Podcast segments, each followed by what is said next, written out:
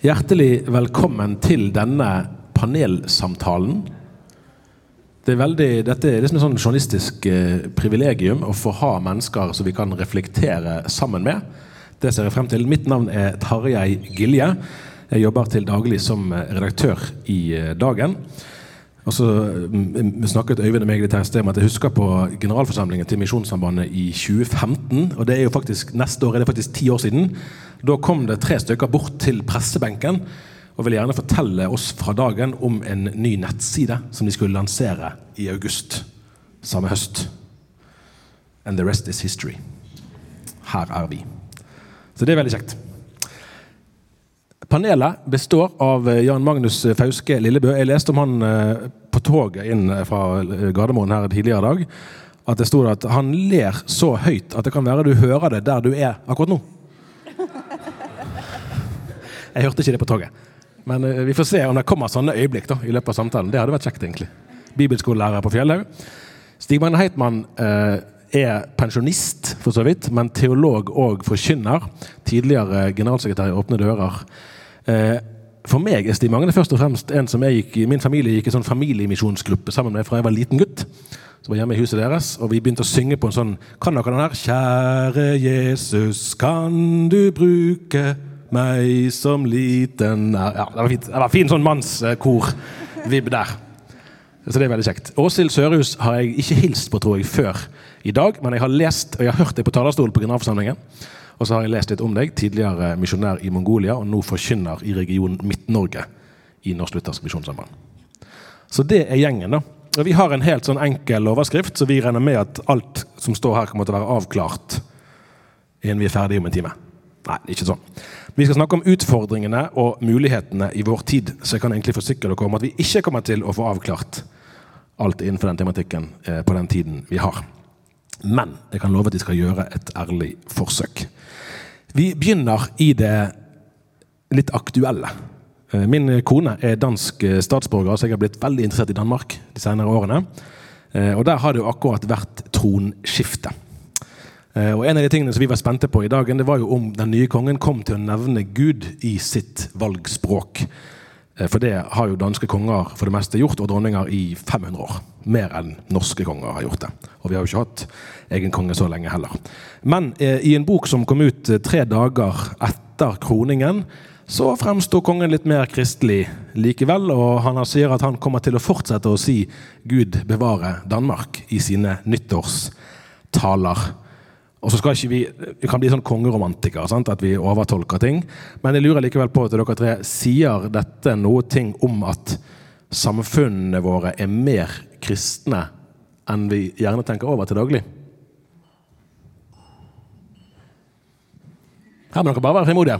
Ja, altså, det var en, en kvinne i Danmark som ble intervjua i forbindelse med kroningen.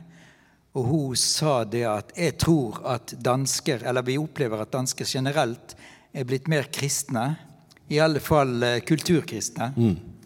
Pga. Uh, all, alle de ideologier og religioner som har kommet til landet vårt. Jeg så det samme intervjuet. Det var interessant. Det har blitt trendy å være kristen, sa hun. Det er det første gang jeg tror jeg i mitt liv har hørt Men jeg har jo lyst til å understreke i denne sammenhengen at, eh, at det er en veldig stor forskjell på å bli kulturkristne og det å være en kristen i bibelsk betydning, mm. altså en disippel av Jesus. Være frelst og følge Jesus. Ja. Viktig poeng. Jeg tenkte at jeg tror mange av dem som er rundt oss, av naboer, folk du møter på jobben, kollegaer, de kan tenke på Gud og be til Gud uten at du vet det. Eh, så det tror jeg vi skal ha med oss. Mm. Eh, mm, om eh, ikke de kjenner egentlig Jesus sånn som sin frelser. Mm. Her passer det å minne om tidligere biskop i Nidaros, Tor Singsås, som sa at i Nidaros, eller i Trøndelag, der er kristendom lettere gjort enn sagt. Sånn som det passer ikke å si for vestlendinger. Men det er kanskje noe i det likevel. Som den yngste i panelet, hva tenker du om disse kongegreiene? Er det bare tull og tøys, eller? Um, altså Kongegreiene er nok ikke sånn Eller det er nok ikke midt i Det, det er ikke det som ligger lengst framme i frontallappen hos meg. Uh, men jeg registrerte jo det at, uh, at det gikk ut av valgspråket. Mm. Um, og tenkte nok da at ja, det er vel på en måte typisk og egentlig riktig. Um, jeg opplever jo eh, for eksempel, altså i, Norge eh, var det jo tydeligere før enn nå eh, hvor kongefamilien og kongen sto eller skulle stå, var forplikta til å stå. På en måte så tenker jeg at på, når det kommer til altså distinksjonen mellom det han snakker om som kulturkristen og være en disippel, så tenker jeg at det kan være fint det at kongefamiliene eh, er friere enn før. Eh, for ofte kan jeg oppleve det som om ikke med vilje, så i hvert fall litt villedende når kristenlappen eh, eller gudsnavnet brukes i sånne sammenhenger. Akkurat. Saken er jo at eh, vi har bak oss eh, 1000 år med kristen historie her i kongeriket. Uh, det skal, det jo, jeg var på Mosta husker jeg, i 995, nei, 1995, eller hva det var. Viktig å Ja. ja Frimodigheten har noen grenser, kan du si. Eh, og Det var det jubileet. Nå er det kristenretten vi skal feire senere i år. Samtidig er det jo en kjensgjerning som vi alle vet at det er færre som tror på Gud. Vi opplever mindre kunnskap om kristen tro. Og det er vel egentlig riktig å si at det er flere som ser ut til å forholde seg negativt overfor kristen tro. Og med det bakteppet som vi jo lever i, hvordan og dette her er jo de enkle spørsmålene da, liksom, hvordan går det an å vise moderne nordmenn at kristen tro er et gode? Jeg tror at eh, vi som kristne vi må på en måte våge å gå litt ut av komfortsona. Jeg tror at uh, hvis vi Jeg er søndagsskolelærer, så Ære være. Nå, altså, jeg skal ikke få se noe her.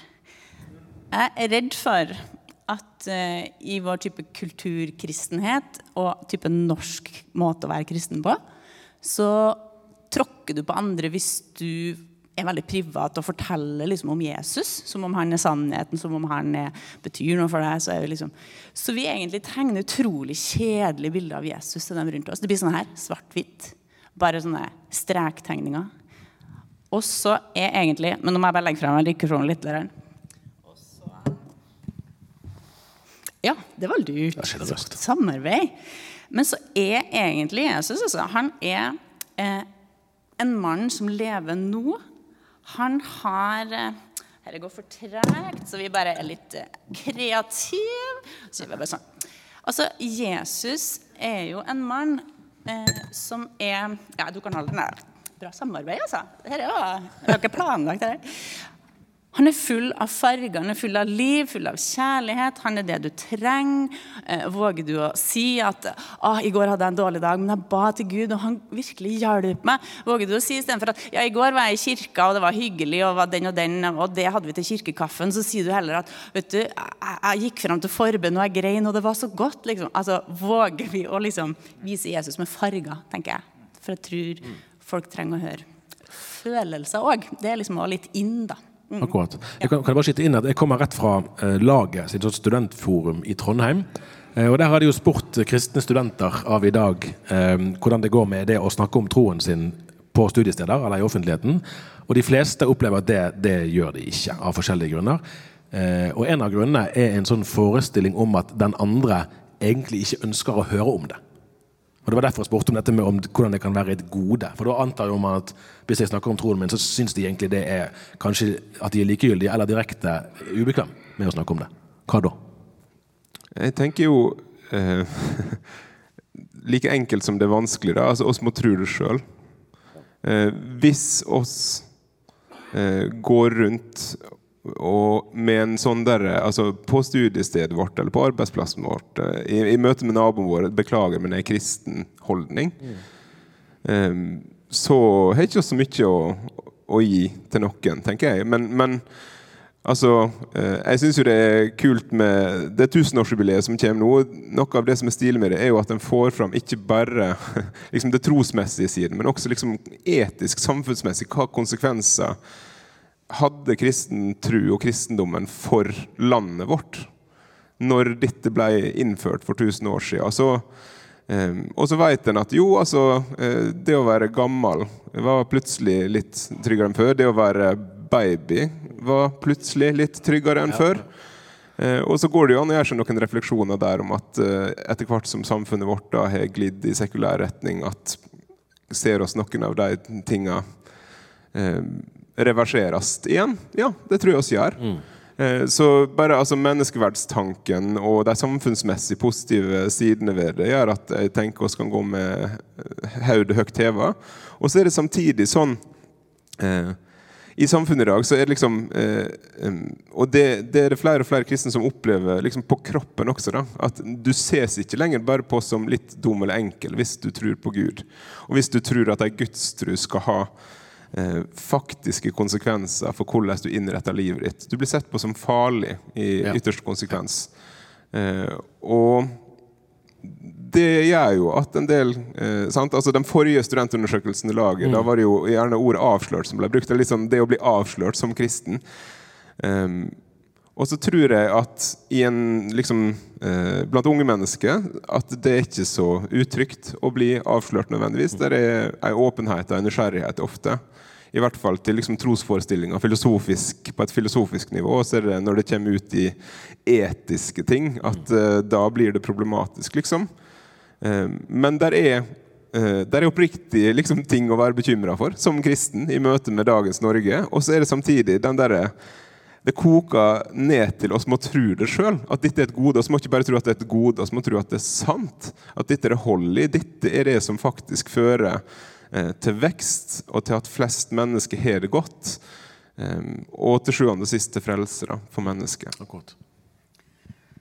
Ja, jeg tenker eh, Jeg har nok fått være med å føre flere innvandrere og flyktninger til tro på Jesus enn jeg har sett nordmenn gjennom mitt liv komme til tro på han. Men det er en ting som jeg, har, som jeg opplever veldig sterkt, og det er at Eller ja, Altså Vi kan ha forskjellig tro. Det kan være en humanist i Norge. Det kan være en buddhist, hindu, muslim, hva som helst. Men vi har en ting felles, og det er at vi er mennesker. Mm. Så det å møtes der eh, Det finnes jo ulike former å bringe evangeliet videre på. ikke sant? Du har mer sånn aggressiv evangelisering eller direkte evangelisering.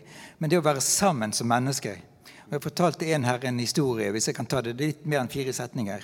Men ikke så ja, fem, da. Nei, jeg ble kjent med en ung eh, gutt fra Vietnam som var nylig kommet som flyktning til Norge. Han hadde lite norsk språk, egentlig. Jeg hadde jo enda mindre vietnamesisk. Eh, det kom seg etter hvert. Men nei, vi, vi, møtte hverandre ganske ofte, drakk te sammen.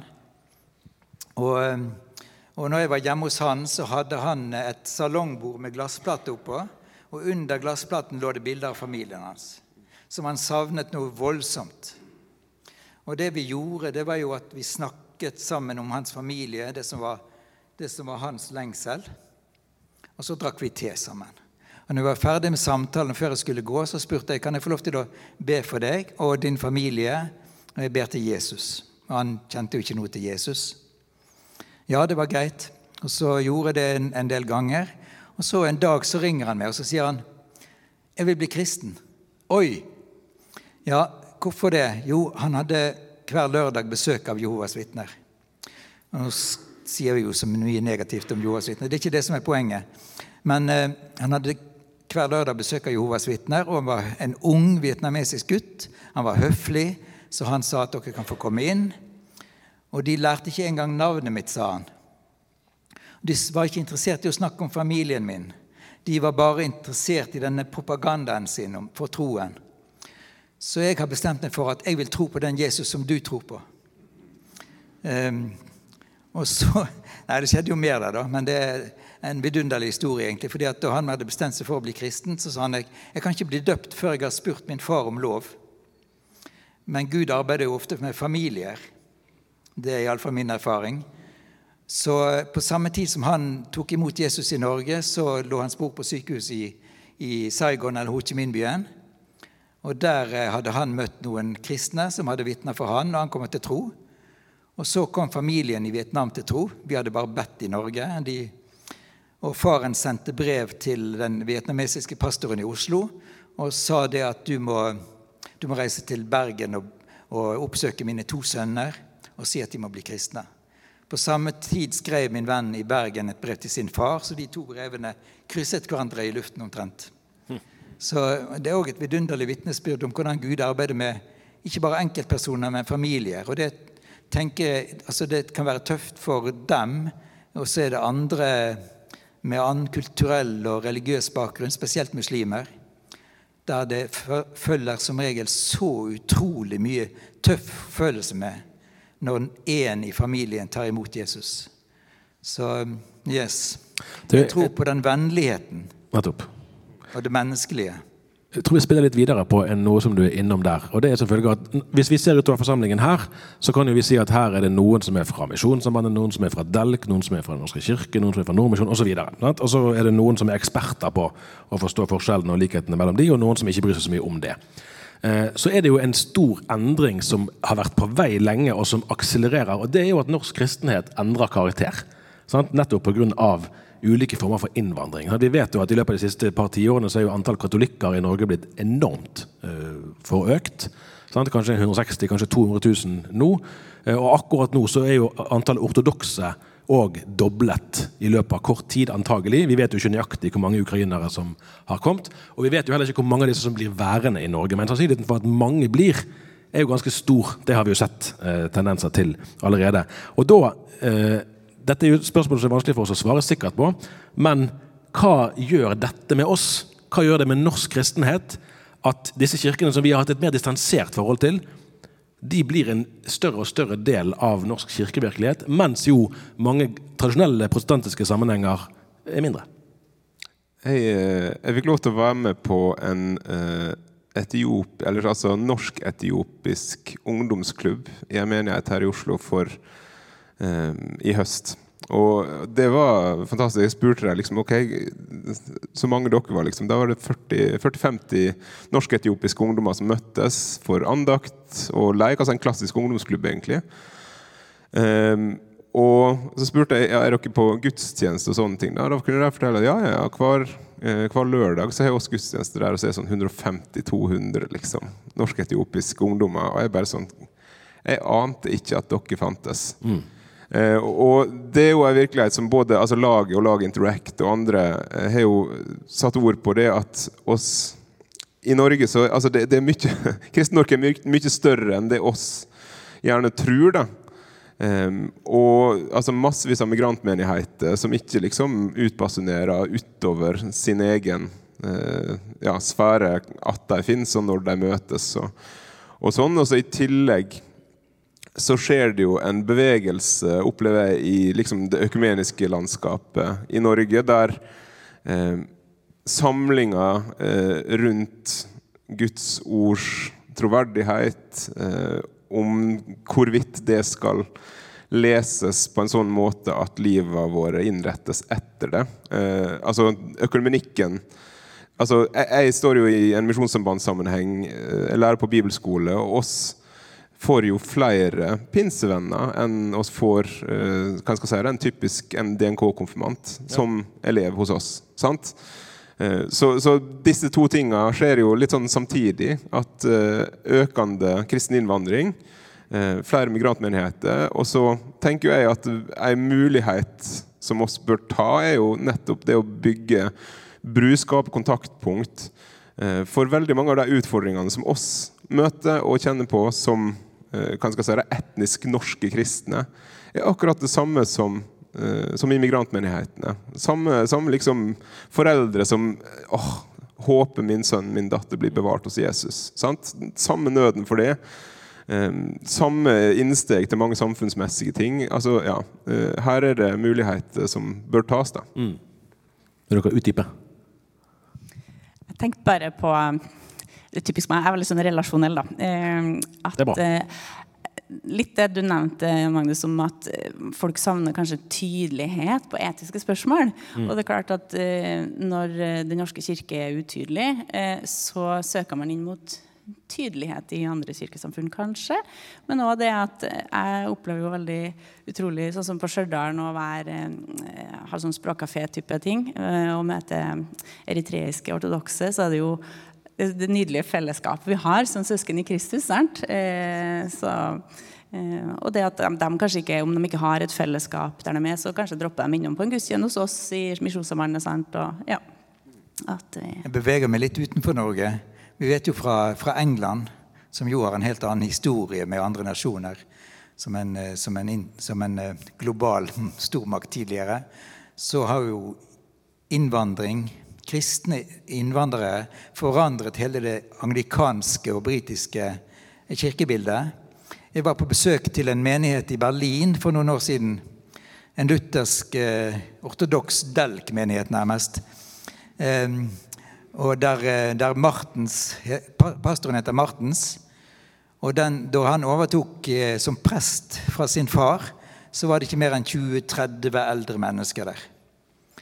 Eh, og, men Martens han hadde bestemt seg for at han skulle Som hans far hadde hjulpet flyktninger fra Øst-Europa, så skulle han ta imot flyktninger.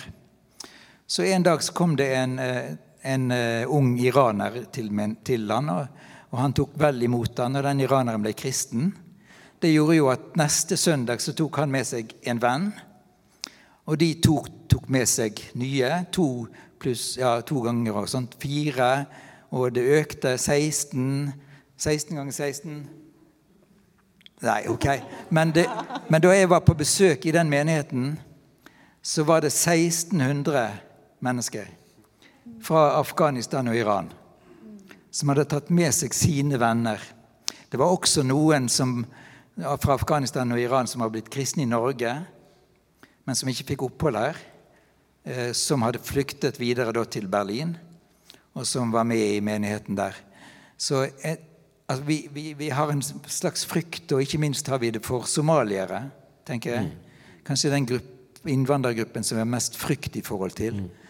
Og de har enormt mye intern frykt for å bryte ut, og kan oppleve, vi vet det fra erfaring, at veldig forfølgelse. Men det er en lengsel også. Så når noen kommer, så skjer det forandringer. Og jeg, vi, vi må lære også dette. altså Jeg tror på en hellig allmenn kirke, eller universell, global kirke. Det er ikke sånn at eh, I den kristne kirke er det ikke sånn at vi først og fremst ser på nasjonalitet. Sant. Vi ser på troen i Kristus. Og det kan du også si når det gjelder ortodoks. Jeg, jeg kunne kalt meg en ortodoks katolikk som tilhører den lutherske kirke. For eksempel. Eller- Nå skal jeg til å ha litt noe med å si at det kan være alle visste det her, men da er det altså avklart at luthersk ortodoks, det er delk. Det er Bertil og Ulf og dere kan bare merke dere dette. Det er nå avklart. Ja. Minus Maria. Eh, dette, nå skal jeg stille et spørsmål som jeg syns er gøy å stille. og Så får vi se om, om eh, det er like godt som jeg syns det er. da. For spørsmålet er hvilke teologiske debatter skulle du ønske at den norske offentligheten fikk del i? Og Da mener jeg ikke noe veldig sånn innfløkte faglige ting som du må ha professortittel for å forstå, men mer sånn hva for noen bibelske emner. Vi vet jo, det, er jo, det er jo stort sett kjønn og samliv som blir diskutert nå, og sånn har det vært i mange år. Hva for noen andre emner er det du skulle ønske at dette, denne siden ved Jesus, denne siden ved Bibelen, skulle jeg så gjerne ønske at flere nordmenn hadde fått en forståelse av? Jeg har nesten et standardsvar. Jeg har ikke sagt det ennå. Men, men eh, på en måte ikke teologiske diskusjoner. Men jeg skulle ønske at vi som er Guds barn, enda dypere og tydeligere levde ut denne nøden som Jesus sjøl har for mennesker. Han så utover folkemengden, ble fylt av en inderlig medfølelse. Ehm, det som får uten hyrde. Og han kom for å frelse det som var fortapt, oppsøke det som var fortapt. Og jeg, jeg satt nå i ettermiddag og, og ba litt for, eh, for dette som vi samtaler om, og kjente bare på den nøden, at jeg ikke har den nøden. Eh, Jesus, Gud kalte Israels folk til å være verdenslys. Midt iblant alle nasjonene. Og det å være verdens lys betød jo at det skulle avspeile Gud. Jesus er verdens lys. Og i Han er vi som kristne kirke verdens lys. Det er der det ligger. altså. Jeg tenker at samfunnet, ja vel Det skjer mye rundt oss i samfunnet. Det er gjort til alle tider. Israel var omgitt av folk som ikke trodde på noen gud, eller trodde på mange guder og levde helt annerledes enn Guds standard.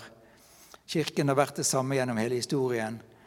Men det er Kirken som er verdenslys. Det er vi som er verdenslys.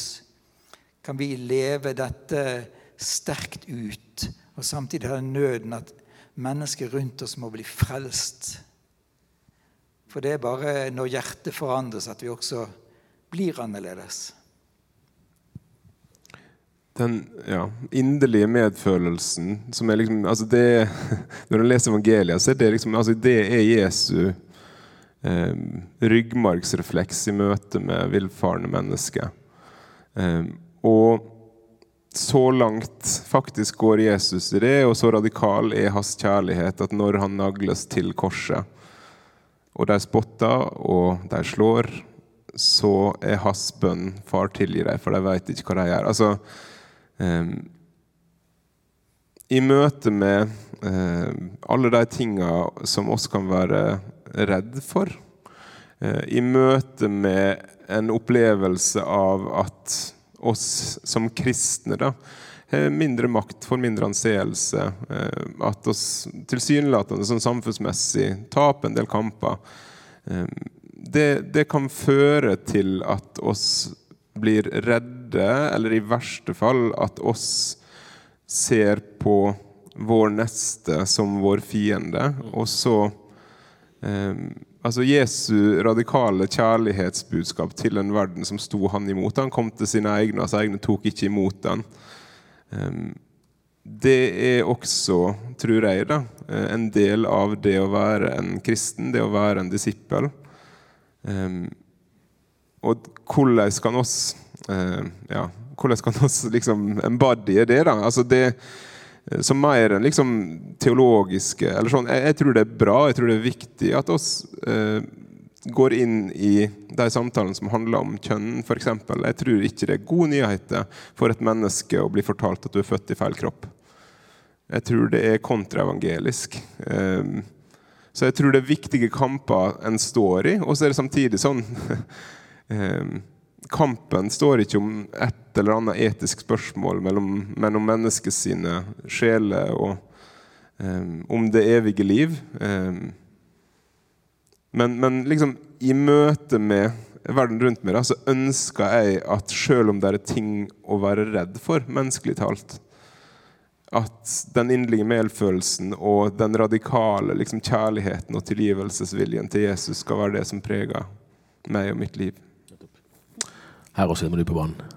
Ja, jeg tenkte litt på bløtkake. det er fornuftig, altså. Eh, for at I enhver teologisk diskusjon så hadde jeg ønska i offentligheten at den lander akkurat sånn som Paivi har gjort. Eh, jeg vil si tusen takk til Paivi for det hun har delt, Resanen, eh, her på konferansen. Eh, fordi jo, det handler om akkurat det hun har blitt anklaga for. Eh, hat, uh, hatprat mot en minoritetsgruppe hun anklaga for. Men midt i det, der hun har vært tydelig på alt det, argumentasjon, kjempebra, uh, så har hun tatt med midten av bløtkaka. Det er Gud elsker deg, Gud har skapt deg. Jesus er din frelser, du trenger han. Velkommen til han. Hvem som helst. Så på en måte, Det var jeg som nevnte det før i dag i, som spørsmål fra sidelinja. Så jeg tenker litt på det, eh, at vi våger det, og tar fram det i enhver sammenheng. Eh, samme hva vi teologisk kjedelige ting vi diskuterer. Få fram Jesus, da. Og ser du, nå må jeg bare, nå har jeg ordet, nå er jeg nytt på litt. Ser du nå har Jesus tørka? Altså seriøst, Har du en nabo som gikk på søndagsskolen for 40 år siden og trodd på Jesus og hadde Jesus med farger, og så går det tid, og så blir Jesus bleik og kjedelig igjen. Så må ikke du tro at din nabo som har vært borti ting og vet at du er kristen Ja, de kan spørre meg hvis de vil, og så sitter du og lener deg tilbake og at Ja, jeg har gjort jobben min. De vet han er. De kan ringe meg hvis de vil.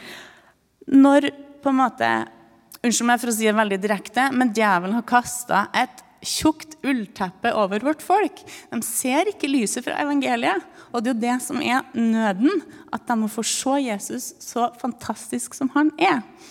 Så der kjenner jeg på at vi er Vi er Sorry, jeg føler jeg kjefter på kristne nå, men vi er feige og vi er late. Og jeg er redd for at eh, Jesus får ikke oss ut av godstolen noen gang, altså. Meg inkludert. Ja. Ser dere uh, denne tegningen her? Det er fantastisk. ja. Det var jo helt briljant. søndagsskolelærer, vet du. Ja, ja, ja. Ja, ja. Det, minner, det er sikkert mange her som har lest denne Kari Vinje sin bok 'Gud og jeg er venner'. Det er min favorittbok å lese til barna hjemme. Og Der sier hun jo 'Vi tegner Jesus med livene våre'. Den hadde jeg faktisk i hodet mitt. Det er akkurat det som skjer her. Lille jente på åtte år, Kari Vinje har jeg utenat her. Hun tegner Jesus, og skal tegne Jesus fin. Jeg må bare ta den, da. Og så blir hun fornøyd med øynene til Jesus, for det ser ut som Jesus er en banditt. Og så krøller hun tegninga en sjørøver, og krøller den legger under bordet, liksom. Og så kommer mammaen hjem og så sier 'Ja, hva du har tegna i dag?' 'Nei, det var en fin sjørøver.' Og jenta begynner å gråte. 'Ja, men det skulle være Jesus! Jeg ville tegne Jesus fin!' Og så den nydelige samtalen der mora sier 'Hvordan tegner vi Jesus vakker?' Det er med livene våre, ved å være god, sann, menneskelig Ja. Så Du må ha mange studiepoeng for å tenke ut det der. ja. Det er bra. Jeg kjøpte den på Bok og Media i går. Det var fint. Det var fint. Hermed anbefalt. Du, eh, For mange år siden så studerte jeg eh, misjonsvitenskap på NLA. Eh, Og Da lærte vi jo et viktig ord, nemlig kontekstualisering. Eh, Og Nå skal vi prøve å ta det helt ned på bakken. da. Og Da er den relasjonskompetansen igjen veldig viktig. For nå skal vi leke oss at uh, det kommer et eller annet menneske fra et land langt borte som skal være misjonær i Norge. Og så skal vi hjelpe vedkommende i kontekstualiseringen. Hva er det vedkommende trenger å vite om nordmenn i 2024 for å kunne fungere som misjonær her? Jeg tror jeg ville invitert til en norsk menighet og så spurt hva er det som gjør at du har fått nød for det norske folket? Og hvorfor må Gud sende deg når vi er mange her? Er dere med på den? Um, og så ehm, må vi selvfølgelig i enhver sånn situasjon lære en kultur å kjenne. Min vietnamesiske venn som jeg fortalte om litt tidligere, han sa det at du har gjort mange feil. Mange kulturelle feil. Greit å få det avklart. Kjempe, kjempeoppmuntrende. Men vi opplever én ting, og det er at du er glad i oss. Det er nøkkelen. Det tror jeg er nøkkelen. Ehm, og så har jeg lyst til å si en ting eh, som en kommentar. Eh, det var jo et eh, sånn slagord da jeg sa ja til å være med på konferansen. Nei til kristenkonservativ småsutring. Ehm, vi, vi har så utrolig mye å takke for òg i samfunnet vårt. Som vi kan være ja, virkelig eh, se stort på. Også, Det var et veldig godt svar, men jeg tror det var et svar på et annet spørsmål. Ja, du, hadde, du hadde så veldig mange gode spørsmål, så jeg, jeg tenker um, Jeg tenker at det Eller litt sånn en samtale med en potensiell norgesmisjonær ville vært spennende. Fordi jeg, jeg tror oppriktig at mulighetene våre er større enn de har vært på lenge. Ehm, Jesus er ikke så kjent som han var, det er sant. Samtidig så er ikke alle vrengebilder av Jesus så kjent som de var. Eh, Den Jesus Ehm, den Jesus som eh, ikke frir en fra eh, egen synd, men som står og peker, f.eks. Han er ikke like kjent som han en gang var. Eh, så, så gi oss en unik mulighet til å gjøre Jesus kjent. Du til et, eh, gratulerer med å komme til Norge. Du kommer til et folk som har hørt navnet Jesus nevnt mange ganger, men som ikke aner hvem han er. Ehm, du kommer til et folk som er djupt individualistiske, men som dermed eh, trenger fellesskap mer enn kanskje noe annet folk. Og du kommer til et folk som strever med ensomhet, selv om vi er flere enn oss noen gang har vært. Ehm, du kommer til et folk eh, der foreldre ikke lenger foreldre. Eh, hvis du forstår den. da. Så du kommer til et folk der foreldre er kompiser og kritikere til lærerne som ikke får skikk på ungene deres, mer enn de sjøl er. Sånne trygge voksne som oppfostrer, eh, og som elsker også ved å sette sunne grenser. Så du har en mulighet til å bruke tid sammen med unge mennesker, fordi det har ikke våre voksne tid til sjøl. Um, altså Mulighetene er enorme eh, i Norge i dag, og særlig kanskje inn imot unge mennesker eh, som, eh, som må se til eh, influensere og, eh, og andre for å finne forbilder, fordi de som skulle være deres egne, ikke har tid til dem. Og det er på en måte til å grine av, og så er det samtidig bare for oss som Jesu disipler plassert i nabolag rundt om, og for folk som kommer hit for å dele evangeliet. Hvis du skal gjøre det, De praktiske mulighetene er enorme. Velkommen. Jeg tror jeg ville informert dem om uh, det her er et folk som er ganske feil, uh, feilinformert om hva det er å virkelig høre Jesus til. Uh, de har mange løgntanker, og det sås inn så masse. Sånn som bare nå, jeg skulle spille et nytt spill med ungene, og sånn, og så bare var det en karakter der med sånn Det var sånn type detektivgreier. Så var jeg liksom professor Grønn. Han var pastor, og han var playboy. Det var bare sånn Ok. Altså, de får sådd inn så mye at på en måte kristne er hyklere og masse sånt.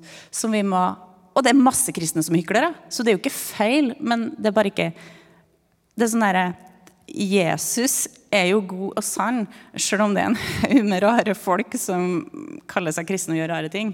De ødelegger masse for Jesusbildet, så derfor så kan det være riktig at de har et feil Jesusbilde ut ifra de kristne de faktisk har møtt. Men likevel, Jesus er god og sann. Som på en måte får avliva myter Eh, og det med ensomhet, vil jeg tror jeg kanskje har sagt. At eh, Bygge relasjoner, invitere på mm. middag. Ja. Ja, for Harald Eia, som sikkert alle, eller de fleste vet hvem er, han er jo en sånn tidstolk. Uten noe teologisk i og for seg utgangspunkt, men likevel en sånn som, som liksom kan peke på ting. Og Han har vel sagt det at, at den, altså den norske kjerneverdien fremfor noen, det er min individuelle autonomi. Altså my privacy, det vil man si på engelsk. At det at ikke være til bry, jeg skal være i fred. Det er på en måte nordmann 2024. Og Så kan man diskutere om det er presist eller ikke, men hvis det er tilfellet, da, mer eller mindre, så vil jo det antagelig ha noe å si for hvordan vil vi da finne veier for evangeliet. Så det er jo f.eks. utfordringen. Um, alle mennesker, eller De fleste mennesker trenger tid. Og jeg blitt kjent med en eldre mann de siste årene. Han uh, kommet inn i familien på en måte. Og for et par år siden så, så prøvde vi litt med å fortelle litt om min tro. Og sånn Jeg vil ikke høre noe om det. Det betyr ingenting for meg.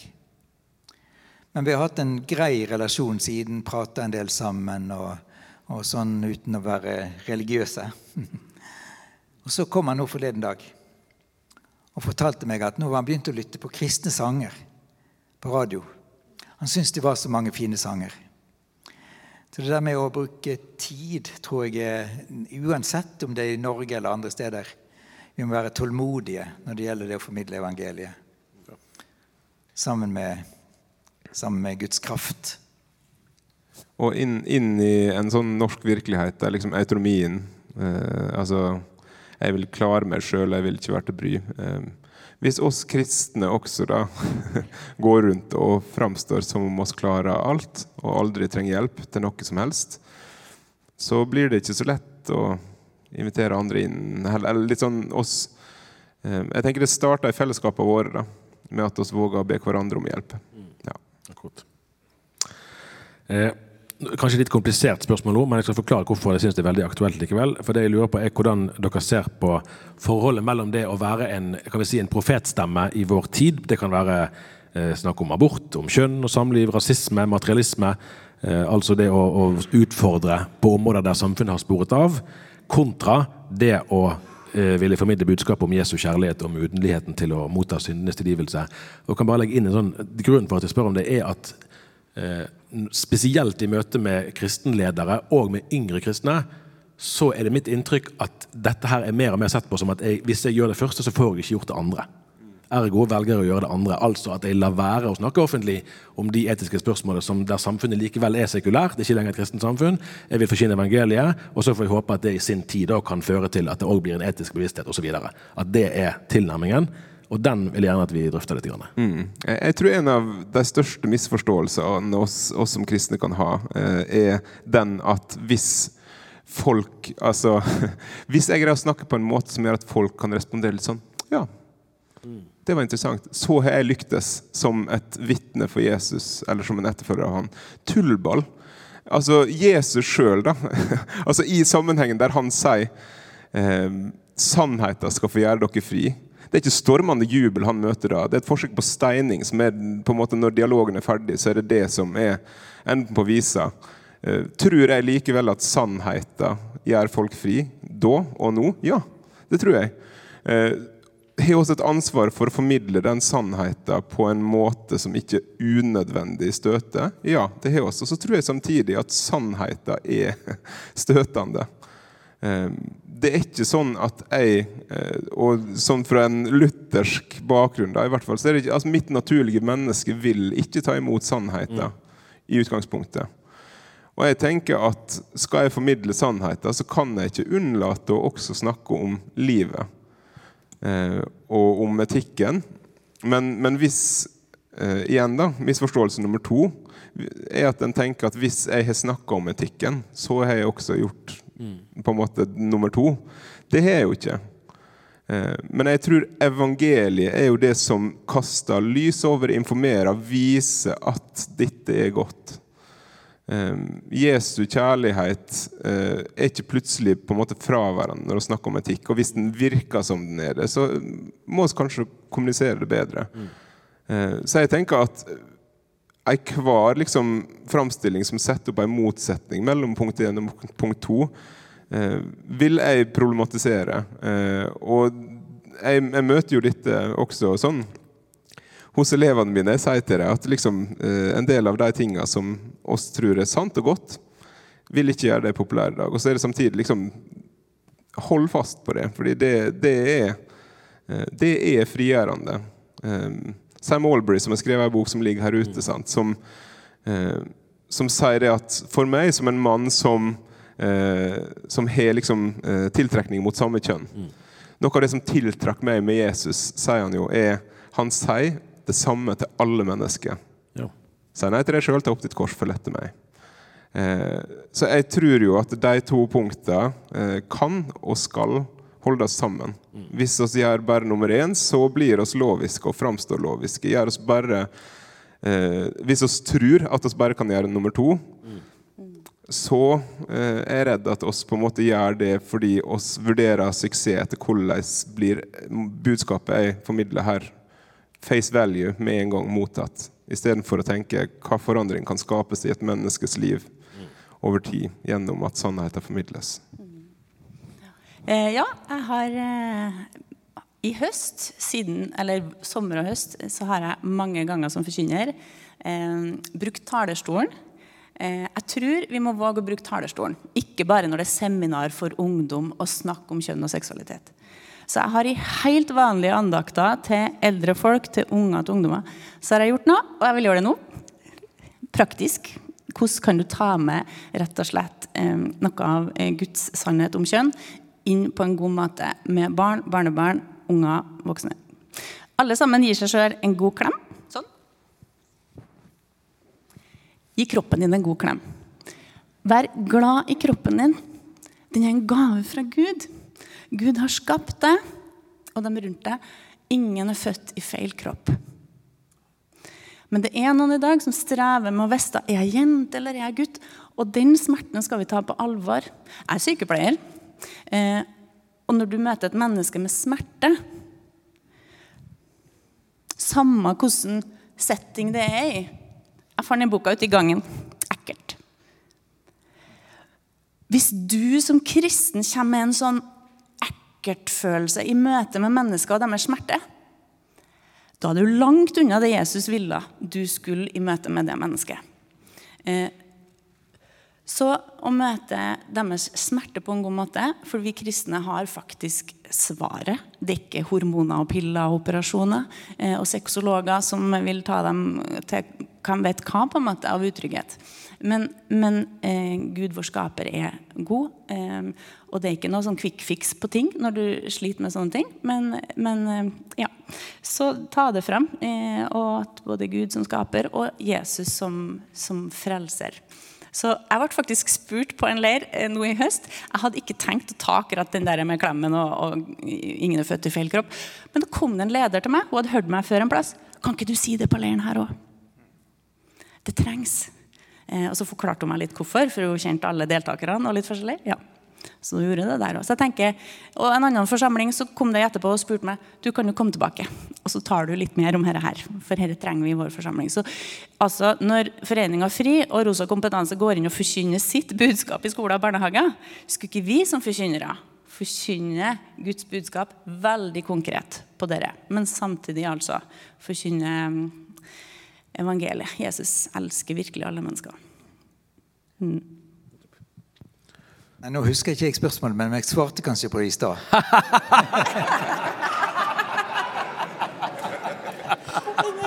Den tok du fint. Nei, det var egentlig et spørsmål om Jeg tror dette, altså for, for hyrder i menighetene så er det aller viktigst å, å lære så er det aller viktigst å veilede menighetens. Igjen dette at vi kan være verdens lys. Eh, det begrenser hva, hva talerstol vi får i samfunnet. Jeg får skrive i Dagen og verdidebatt eller verdi sånt. Eh, men, men altså veldig begrensa hvor, hvor, hvor, langt vi når ut. Men når menigheten og den enkelte kristne er et lys i sin familie, i sitt nærmiljø, i sin venneflokk, på sin arbeidsplass, så tror jeg det har en kjempeeffekt. Og eh, derfor må også, som du sier, altså det må opp på talerstolen. Det må undervises. Um, og så oppdager vi egentlig at vi er kommet for langt vekk fra Bibelens budskap. Eller kommet bort fra Bibelens budskap for seint. Vi, vi, har blitt forført til å ta disse bitte små stegene. Det er en, er en fiende av oss som, som, eh, ikke begynner å si 'gjør opprør mot Gud', men som begynner med å si 'har Gud virkelig sagt'? Bare, bare en liten, liten bit av dette, den frukten.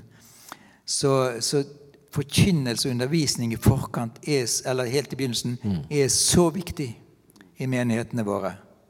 Og det gjelder denne, å få denne, denne øyensalven, så vi kan se tydelig både, både hva Guds ord sier, og hva, hva, som rører seg i samfunnet. Jeg er kanskje litt inhabil på en måte, fordi jeg lever vel så mye i nærkontakt med kristne i andre land, der de kristne blir forfulgt som Norge. Og Jeg er ikke en samfunnsanalytiker som du er, Tarjei. Si ikke det. Du er, du er, du er briljant på det. Sant? Og du, du, ser det norske samfunnet. Jeg er langt der ute, og jeg liksom opplever Dette her som vi har i Norge, det kunne vi takle. Og vi må bare være våken som menighet. Vi må ikke bli som nikolaitene, som nok aksepterer sentrum i kristen tro men som ikke bryr seg så mye om de etiske spørsmålene, f.eks. Vi må ta alt Guds ord på alvor, og alt Guds ord på talerstolen. Amen. Jeg tenker, eh, det, ja, det, du snakker om der, handler jo tenker jeg, om å kle trua i kjøtt og blod også. Og um, sånn, ja, Jeg, har jo skrevet litt grann sånn leserinnlegg, og sånn, det vet jo du, Tarjei. Uh, der på en måte begrensningene som det eh, sett. Sant? Du skal helst ikke skrive en avhandling når du skriver et leserinnlegg. Gjør at det er løpende vurdering tenker jeg, for de av oss som driver med sånt, bør oss skrive dette. Nettopp fordi eh, eh, punkt 1 og punkt 2 som du nevner, da, og den mulige motsetninga, kan framstå som en motsetning når en skriver leserinnlegg. fordi det kan framstå så hardt sant? hvis du skal spissformulere. altså Twitter har ikke hjulpet oss i vår på en måte, måte å ha diskurs. Um, det at Når ting blir kort, så blir ting spist, og da er det kun de som er 100 enig med deg, som egentlig er fornøyde med det du har skrevet, og du har ikke oppnådd noe annet enn applaus fra de du, du i utgangspunktet hadde fått det av fra før. Uh, så, så, det å ta det til talerstolen, som Åshild er inne på, og også det å um, ikke bare være en plakat med etiske uh, påstander men å være et levd liv som trenger Jesus. Og synliggjøre det i møte med de mennesker du har rundt deg. At, at, nåden er ikke noe eh, som jeg på en måte trenger noe mindre enn eh, en noen andre. Sant? Altså, jeg tror noe av det som, som, vanskeliggjør det, eller som fører til at enkelte ledere ser en motsetning mellom punkt 1 og punkt 2, er nettopp det at ja, her blir det liksom løsrevet fra livet, fra kjøtt og blod og fra tilgivelse hos Jesus som, som jeg trenger. At det, en virker så en kan virke veldig ovenfra når en skriver det bare i en, en, tekst. Så det å ta det til, til talerstolen og sånn også eh, tror jeg er kjempeviktig. Og, ta det inn i disippelgjørende relasjoner også. Godt. Kan jeg si bare en liten Kom igjen. Jeg tenker bare, eh, Vi er jo et kristent fellesskap, så profetstemme er viktig. Og så er det ikke sikkert den samme personen som skal på en måte ta helheten i altså, sant? Når vi tjener hverandre, så er det kanskje en annen enn i den forsamlinga som kan følge opp med forbønn, med samtale, med på en måte sjelesorg og, ja, eh, og evangelist-type eh, tingen. da. I tillegg til talerstol så har vi snøskuffe. Så jeg tenker at eh, i et nabolag så eh, er det fantastisk om naboene ser at Oi, det er den der kristne mannen eller sånn, som, som, er først ute med snøskuffen og tar det som vi skulle hatt dugnad på. Det, eh, selvskryt skal man være forsiktig med, men skryt av andre, det er lov. Pastoren i min menighet han var en gang på bussen, og så satt han sammen med en kvinne som nok hadde hatt et litt vanskelig liv. Og så, Han satt med rødsprit ved siden av seg, og så snudde hun seg til Håvard og så spurte hun plager mitt nærvær deg. Og så sa han nei, det gjør det ikke. Og Så ble hun overrasket over mildheten i svaret hans. Så spurte hun han er du kristen. Så svarte han ja. Så spurte hun kjenner du Stig Magne Heitmann. Han kommer og vasker leiligheten min hver uke. Der fikk du den. Og jeg skal love deg at det var ikke lite å vaske heller, altså.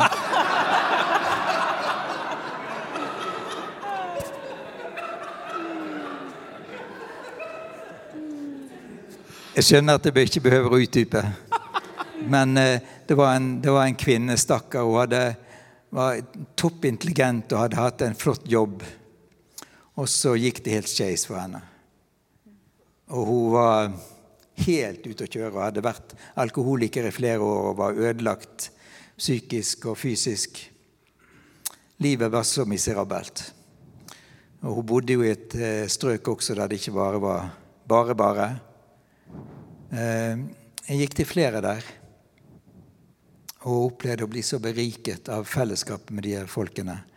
Men hun hadde det så vondt. Og så kriste hun til leiligheten sin noe så innmari. Så disse sosialarbeiderne og sånn, de har gitt opp.